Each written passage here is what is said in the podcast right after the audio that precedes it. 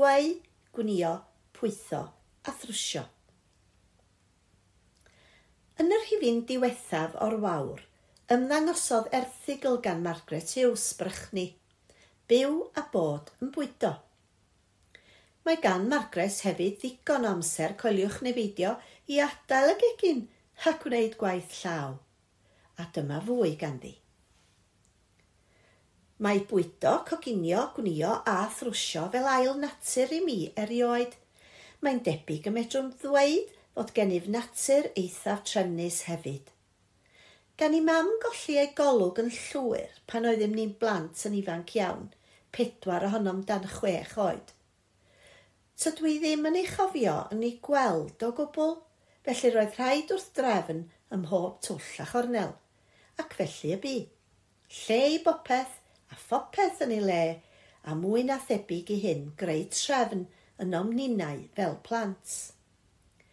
Chollai hi ddim byd yn gymdeithasol, hyd yn oed wedi ni golli fy nhad.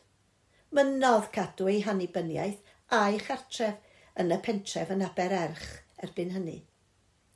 Drwy garedigrwydd a chyfeillgarwch cymdogion a ffrindiau, llwyddau i gyrraedd i bob gwasanaeth, cynger a chymanfa a chlwb gweu. Ffarmwr oedd dad, ond roedd bod o gymorth i mam a'n magu'n unau yn dod o flaen popeth iddo. Cawsom fagwraeth anwyl a hapus gyda'r capel yn ebeneser a Bererch yn ail aelwyd i ni fel teulu. Fy nhad yn flaenor a mam ar ben ni digon yn cyfrannu i bob peth yn yr ysgol sil ac i'r seiat wythnosol. Cyn iddi golli y golwg, arferai godi nodiadau manwl iawn i'w trafod yn y seiat a hyd yn oed wedi ei dallineb, chollai hi ddim pregeth na seiat ar trafod ffraith yng Nghymru'r Parch a'r H. Williams a'i braidd. Roedd mam yn gweu erioed a dysgodd fy chwaer berl am unau i wei yn gynnar iawn a ni wrth gwrs a fyddai'n darllen y patrwm iddi. Wedyn ni adael cartref am y coleg gwaith ac yn ddiweddarach i briodi, parhau hyn dros y ffôn a ninnau yn darllen paragraff eitha hir iddi a ffwrdd â hi i wei tan yr alwad nesaf a gwaed i ollwng pwyth. Byddai'n rhaid daffod a cael ddechrau a chael gwaith perffaith. Derbyniodd Wobr Genedlaethol unwaith am wei eitem yr agoriaeth a bu rhaid teithio i Lundain – i dderbyn ei gwobr. Yn aml, cyrheiddau yma yn llwythog o'i chreadigaethau, a byddai rhaid i'r plant ei gwisgo a dod i sefyll wrth ymyl nain, a'i ei dwylo dros y siwmper gan deimlo'i hysgwyddau, hyd y llewis ac yn y blaen, cyn cyhoeddi ei bod yn fodlon. Mae honna'n ddel iawn i ti, meddai, wedi gweld y darlun yn glir a'r plant yn barod eu coflaid o ddiolch unain. Mae gen i le cynnes iawn yng Nghalon at fenter llyfrau llafar Merched y Wawr, gan i mam dderbyn cymaint o bleser o'r tapiau llafar dros y blynyddoedd. Fel aelod o glwb ffermwyr i Eang Llangybi, byddai'r amser hamdden yn mynd i greu ar gyfer gwahanol gystadlaethau rali ar ei steddfod a mwynhau holl arlwyr rhaglen flynyddol ddifur – byddwn wrth fy modd yn creu rhyw wisg plentyn neu ddilledyn i mi fy hun, clustogau neu ambell i bwyth croes ac yn y blaen, ac wrth gwrs byddai rhaid i bob aelod fod yn y cor a'r partion.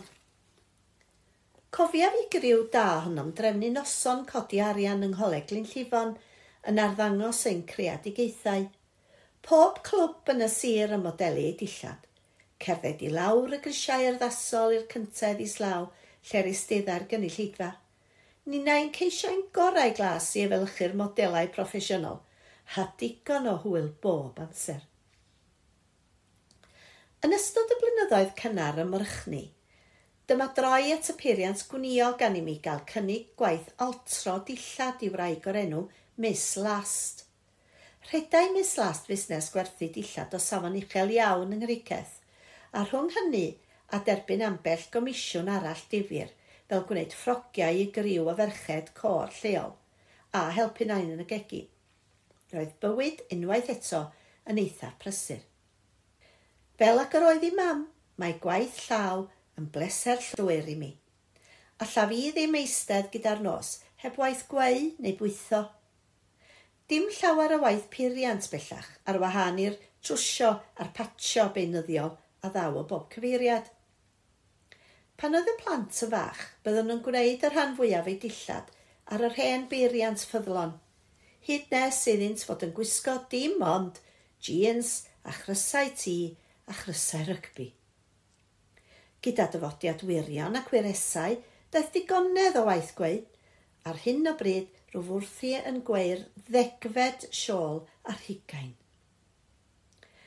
Aeth rhai blynyddoedd heibio'n ystod magu'r deg o blant cyn i mi ymuno â Merched y Wawr, pencau newydd ar cilch.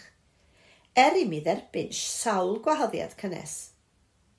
Ond fel y llaciodd cyfrifoldebau ychydig, dyma ymuno ar brwd frydedd heintus sydd ynghlwm a bod yn aelod o ferched y wawr. Llwyr fwynhau pob agwedd o'r gangen i'r rhambarth ac yn genedlaethol. Diolch i weledigaethau yr aelodau brwdfrydig cynnar. Pleser mawr arall i gweld bod y rhan o ddosbarth pwyso bwythraig brofiadol Joyce Jones Cricketh sydd yn rhoi cymaint pleser i mi. Mae sawl prosiect wedi ei greu gan ei hyfforddiant. Er nad oes dosbarth wedi bod yn ystod Covid-19 wrth gwrs, mae cymorth Joyce yr un mor barod gyda'r galwadau ffôn ac ymweliadau'r posman – ac amlenni llawn siartiau a chynlluniau ac edau o'i storfa i waelod. Mae'n ein cadw ni i gyd i fynd heb gyfarfod wyneb yn wyneb. Diolch, Joyce.